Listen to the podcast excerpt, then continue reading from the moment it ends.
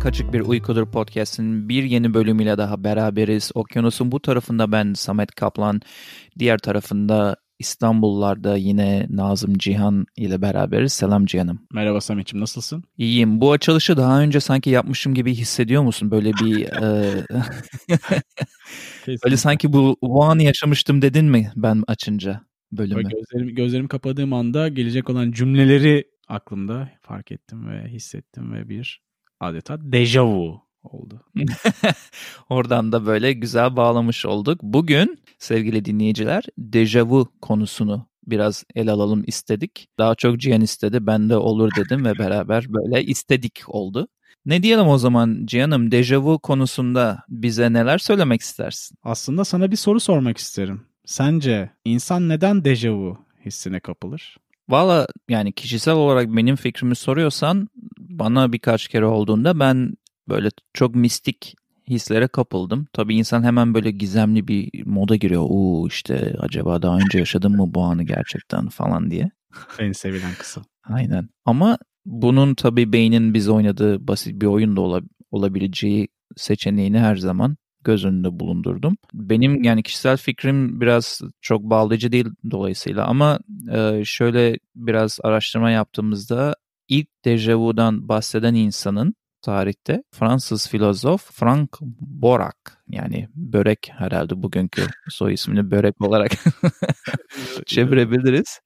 Börekçi Frank e, bahsetmiş 1870'lerde ve zaten sanırım dejavu da already seen yani daha önce görülmüş veya daha önce yaşanmış gibi bir e, tercümesi varmış. E, dolayısıyla bu arkadaş ilk bunu bahsetmiş. Bayağı eskilere dayanıyor. Yani bir tek sen ben komşumuz Hayriye falan değil. Bayağı Fransızlar daha 1800'lü yıllarda bu olayı tecrübe edip yazılı olarak ifade etmişler. Yani zaman zaman insanların bir şekilde hissettiği şeyin adını koymuş diyorsun Borek beyefendi. Bu şeymiş aslında. Hani sana sorduğum sorunun bir sürü cevabı var ve dediğin gibi bir tarafı mistik açıklarken bir taraf işte diğer taraf daha işte hafızadaki anlık yanlış bağlantı beyin içerisinde hı hı. şeklinde de bilimsel olarak ifade ediliyor. Seyahat dejavuyu tetikliyormuş biliyor musun? Evet öyle bir şeye ben de rast geldim. Bir de şunu da söyleyelim yani resmi olarak bilimsel veya mistik olarak hiçbir şekilde yüzde yüz kanıtı henüz şu an olmayan bir şey. Yani bilimsel olarak birkaç deney yapılmış. O senin bahsettiğin seyahat de o deneylerden bir tanesi. Hani çok deneylerin bir tanesinin sonucunda bulunmuş bir şey. Çok seyahat eden insanların tetiklediği şeklinde. Ya zaten hani bilimsel tarafta şöyle bir açıklama var. Hani beyindeki bu temporal lobun hani olup bitenleri denetleyen ikinci bir sistemi olduğu ve işte bu sistemde yaşanan hislerin işte bir hatadan ibaret olduğunu anlamayı ve dejavunun sona ermesini sağlıyor şeklinde böyle değişik temporal loba bağlanan açıklamalar var bilimde ama dediğin gibi net değil hiçbir şey. Çünkü hı hı. bir diğeri de frontal lob yani ön loba bağlanan bir e, tahmin var. Hipokampus biliyorsun bu hafızayı silme rehberi bölümünde hipokampus bölümünden bahsetmiştik beyinde anılarla ilgili. O hipokampus hani dejavu onunla bağlantılı diye düşünülürken şimdi frontal lob yani ön kısımdaki loba bağlı bir yerde bir error yani bir hata olduğunla ilgili de bir varsayım var. Mesela bunu bu kısım beynin bu kısmı decision making karar verme mekanizmasının aktive olduğu bir kısımmış ve orada bir sorun ortaya çıktığını düşünüyor. Yani şöyle söyleyeyim daha basit anlatmak gerekirse sen aa ben bu anı daha önce yaşamıştım dediğin aslında beyin bir error verip o anı daha önce yaşadığına karar veriyor. Hani bir ya karar bu, problemi olabilir. Yani en net aslında şu an hani bilimsel olarak açıklaması dejavu'nun benim bulduğum beynin sağ lobu ile sol lobunun milisaniyeden daha küçük bir zaman farkı ile çalışması şeklinde açıklanıyor.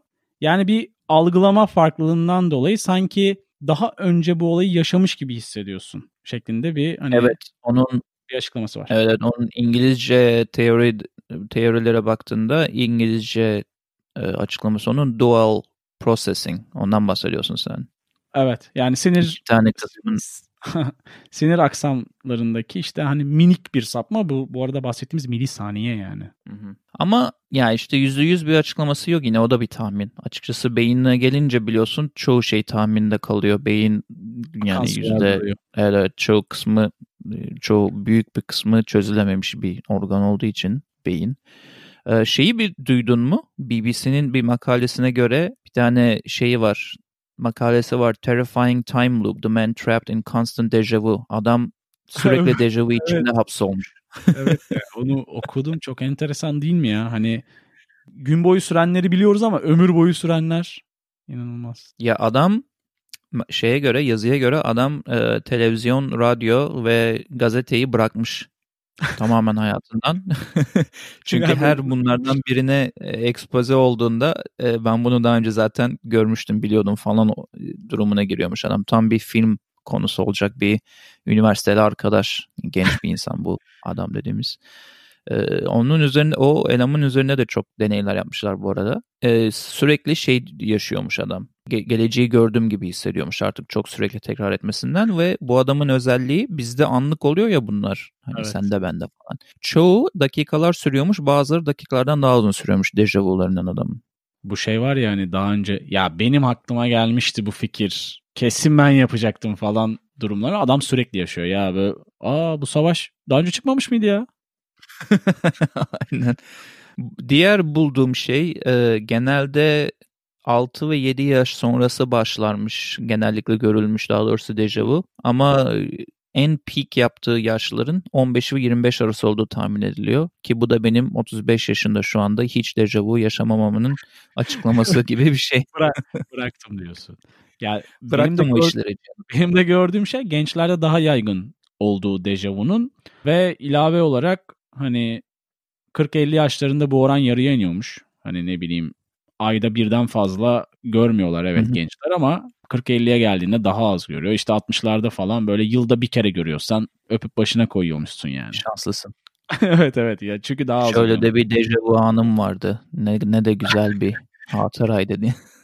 yani bakınca hani hafızamızda yer eden en ikonik dejavu hikayesi herhalde Matrix. Kedi. Yani evet. Belki de hayatımıza girdi ya. Siyah kedinin iki kere geçmesi Matrix'te. Hmm, evet evet hatırladım. Yani benim Dejavu'yla tanışmam biraz da onunla oldu. Sonrasında aslında bana pek uğramadı. Kişisel olarak uğramadı mı? Evet evet pek benim taraflara gelmedi. Yani sana olmadı mı cidden kişisel olarak hiç? Hatırlamıyor musun hiç geriye baktığında şu dejavu çok acayipti diye? Hayır. Olabilir yani şey bunun bunun doğru veya yanlış bir cevabı yok. Şeyden soruyorum bunu. E, çünkü zaten soracaktım sana hiç dejavu senin oldu mu diye de. Benim bir tane var çok böyle ya bir sürü dejavu olmuştu gençken. Şimdi şu ara çok olmuyor açıkçası ama e, bir tanesini ben aşırı güçlü hissettiğim için e, onu böyle hala bugün hatırlayabiliyorum, unutmuyorum. Etkilenmiştim ondan. Ama yani olayın kendisi çok etkileyici değil de ne kadar güçlü hissettiğim çok etkileyiciydi dejavuyu. Hmm. Ee, istersen bir paylaşayım çok kısaca onu. Lütfen, merak ettim. Şimdi İstanbul'da üniversiteye başlamadan önce İstanbul Üniversitesi'ne biz ailemle, babamla, annemle falan bir daire bakıyorduk bana. Hı hı. Ve bunun sonucunda bir emlakçıyla bir toplantı halindeydik. Oturuyordular. Belki belki hani kiralama aşamasındaydık veya e, bakma aşamasındaydık tam hatırlamıyorum ama şeyi hatırlıyorum. Kiracı veya işte emlakçı masanın diğer arka tarafındayken annemle babam hemen onların önünde iki masa sandalye vardı. Onlar orada oturuyordular. Ben de duvar yanı bir sandalyede oturup onların komple üçüne birden bakıyordum ve dinleme modundaydım. Hani bir parçası değilim muhabbetin. Ve bunlar konuşurken abi birdenbire emlakçının söyleyeceği yani gelmek üzere olan cümleyi ben önden böyle hissettim şunu diyecek diye ve sonra dedi. Ve hani böyle bir anlık bir şeydi ama daha böyle işi ilginç kılan benim için babamın ver, vereceği cevabı hatırlıyorum böyle önden e, tahmin edebildiğimi ve bir rakamdı, spesifik bir rakamdı evle ilgili. O onu onu verdi ve sonra eleman o rakama bir cevap verdi ve bu üçleme muhabbetin komple bittiğinde ben kendime şey demiştim hani oha birebir bütün düşündüklerim şu an oldu hani sanki daha önce olmuş gibi. Aha. Öyle güçlü bir anı hatırlıyorum çok iyi. Onu hiç unutmadım. Yani bir sürü olmuştu böyle ufak tefek saniyelik böyle bir şaşırıp geçip gidiyorsun da o böyle daha uzun süren böyle bir mu- muhabbetin uzun süren bir dejavusu olduğu için onu çok spesifik hatırlıyorum. Yani bayağı bir sufle olarak geçmiş. Sufle vermişsin böyle. İçinden konuştun herhalde. O an onlar ağzını oynatıp sen konuşsan daha komik olurmuş. yani. yani milisaniyede olan şeyleri görebiliyor musun? Ama ben böyle bir örnek bende yok ya. Hatırlayamadım ya da şu anda böyle pat diye sorunca. Gerçi öncesinde düşündüm biraz yalan yok. Çıkmadı.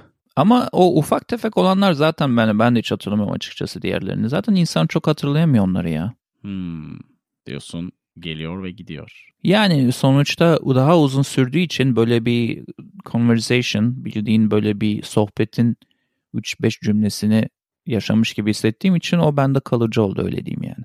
Peki sence dejavu geleceği öngörebilme duygusu yaratabilecek bir şey mi yoksa bir yanılsama mı gerçekten? Yani ben bu e, podcast için top 10 e, ilk 10 böyle en kuvvetli ihtimali paylaşan bir web sitesinden 10 teoriyi almıştım. Onlardan bir tanesinde öyle bir şeyden bahsediyor. Hani çok kısa bir geleceği görme anı olabilir diye ama çok benim ihtimal verdiğim şeyler içinde değil.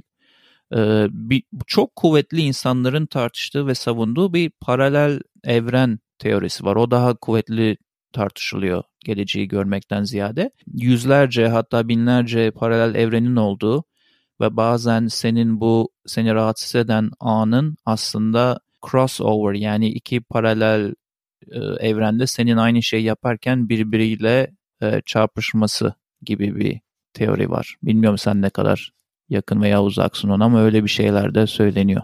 Vallahi biraz nötrüm o konuda tam kafamda tam kurgulayamadığım için bir şey diyemeyeceğim ama bir bilinmez tarafı var ya. Hani şeye doğru gidiyoruz böyle geri Back to the Future yapıp Nostradamus tarafına gidiyoruz acaba hı hı. şeyi öngörebilme yetisi olabilir mi? Yani zor gibi ya. Çünkü bir araştırmada hani bakmışlar yani bu dejavuyu kimler görebiliyor? Hani şizofreni, hani kişisel bozuklukları, anksiyete gibi hani nörolojik bozukluklarla ilgili bir bağlantı bulamamışlar bu arada dejavu için. Hı hı. Böyle en büyük yakınlık bu temporal lob epilepsisiyle olmuş. O da yani böyle yakınlık olarak yani direkt budur şeklinde bir tanı da koyulamamış dejavunun etmenleri olarak. Bir bilinmezlik var tabii beyin tarafı olduğu için gizemli bir kutu çok bilemedim. Şey var daha çok Budist taraflarında tabii var bu ama en çok reenkarnasyona inanan kısımlarda dejavu bunun çok destekleyen kuvvetli bir e, tarafı olarak kabul ediliyor. Onu biliyor muydun yani reenkarnasyon yok e, inananları? Dejavu'nun bir önceki hayatından sana bir sinyal olarak geldiğini düşünüyorlar. Hani tam olarak o anın değil de o anda yaşadıklarını öyle hissetmenin sebebi bir önceki hayatında ona benzer bir anda benzer hisler yaşadıysan oradan bir sinyal olarak geldiğini düşünüyorlar. Ha bayağı fantastik bir hikaye aslında. Tabii canım. bu bu fantastik hikayelerde bir numarada şey var zaten. A glitch in reality. Artık insanla alakalı da değil bu. Hani momentary breakdown in our reality diye geçiyor. Gerçekliğin içinde bir kayma, bir glitch olduğu, böyle bir nasıl diyeyim Türkçe'de bir bozukluk olduğu, anlık bir bozukluk olduğu ile ilgili bir teori var. Yani gerçekten teori savaşları. Böyle. bir, bir, bir abi dejavuyu tanımlamış ve sonrasında insanlar bunun üstünden bir sürü teori üretmiş. Çünkü bakınca herhalde 100 yılı geçen bir süreçten bahsediyoruz tanımlamanın üstünden net bir şey hala yok. Şeyi biliyor musun? Hı hı. Dejavu'nun karşıtı varmış. Jamevu. Hmm, yok duymadım. Jamevu. Oh, Fransızca 101. Fransızca dersine hoş geldiniz. Sen seversin birebir çevirilerde de. Bu şeymiş. Bir şeyin tanıdık olduğunu bilip de ona karşı yabancılık hissine kapılmayı ifade ediyormuş. Nasıl? Hmm. Değişik, bayağı değişik yani. Hani bakınca aslında sen onu biliyorsun ne olduğunu. Bilmene rağmen yabancılık hissediyorsun. Ne bileyim yani işte çikolatayı biliyorsun ama hani aa bu böyle miydi ya? Aslında böyle değil miydi? Falan deyip sorguluyorsun diye düşündüm. Onu hiç duymadım. İlginçmiş aslında. Ee, yani bana da öyle bir şey olmadı. Bilmiyorum sana oldum ama ilginç bir e, teori. Herhalde teoridir o da diye düşünüyorum. Ya bayağı şey yani hani zaten öyle hisseden insanlar oluyormuş. Hani onun üstüne olmuş. Hani dejavu gibi düşünebilirsin. Ama bir Fransızca savaşları tabii ki böyle uçuk taraflara geçmişken precognitive dreams diye de bir teori var dejavu ile ilgili. Onda da daha önce o anı yaşamış gibi hissetmenin sebebi daha önceki hatırlamadığın rüyalarının birinde o anı öngördüğünden dolayı böyle bir şey olduğunu düşünüyorlar. Öyle de uçuk bir başka bir tahmin daha var. Rüyalar gerçek olsa seni her gün görürdüm. Valla neredeyse her gün duyuyorsun. O yüzden bırak orada kalsın istersen bu e, ilişki. Yani, Görmene gerek yok. Her gün. Rüya kısmı bitti şu an. E, rüya kısmı bambaşka bir evren aslında. Böyle baya bir podcast konusu. Rüya tarzı kaçık bir uyku. Değil mi? Evet o da olabilir. Ya rüya, rüyalar gerçekten ilgi çekici ve aynı zamanda da bilinmez bir dünya. Ama oradan yola çıkarak dejavuyu tamamlamak yine bir soru işareti. Çok çekimserim ya. Ya zaten zaten bu bölümleri yani şu tarz bölümleri yapmamızın sebebi bu Nostradamus olsun işte e, anıları silme bölümü e, hafıza olsun bu olsun biraz insanları düşünmeye itip hani siz bu konuda hangisine yelteniyorsunuz veya sizin dejavu tecrübeleriniz oldu mu olduğunda nasıl hissettiniz gibi şeyleri uyandırmak için yani bu soruları uyandırmak için yaptığımız bölümler. O yüzden senin ve benim hani bu konularda çok böyle nasıl diyeyim sana çekimser kalmamızın doğal olduğunu düşünüyorum. Zaten bilsek cevabın e, bu sorulara şu an milyoner olmuş dejavu paketleri satıyor olurduk insanlara. Bilsek Borek abiye söylerdik zamanında değil mi? Bilsek Samet ve Cihan börekçisi diye açmıştık dükkanı şimdi dejavu dükkanı.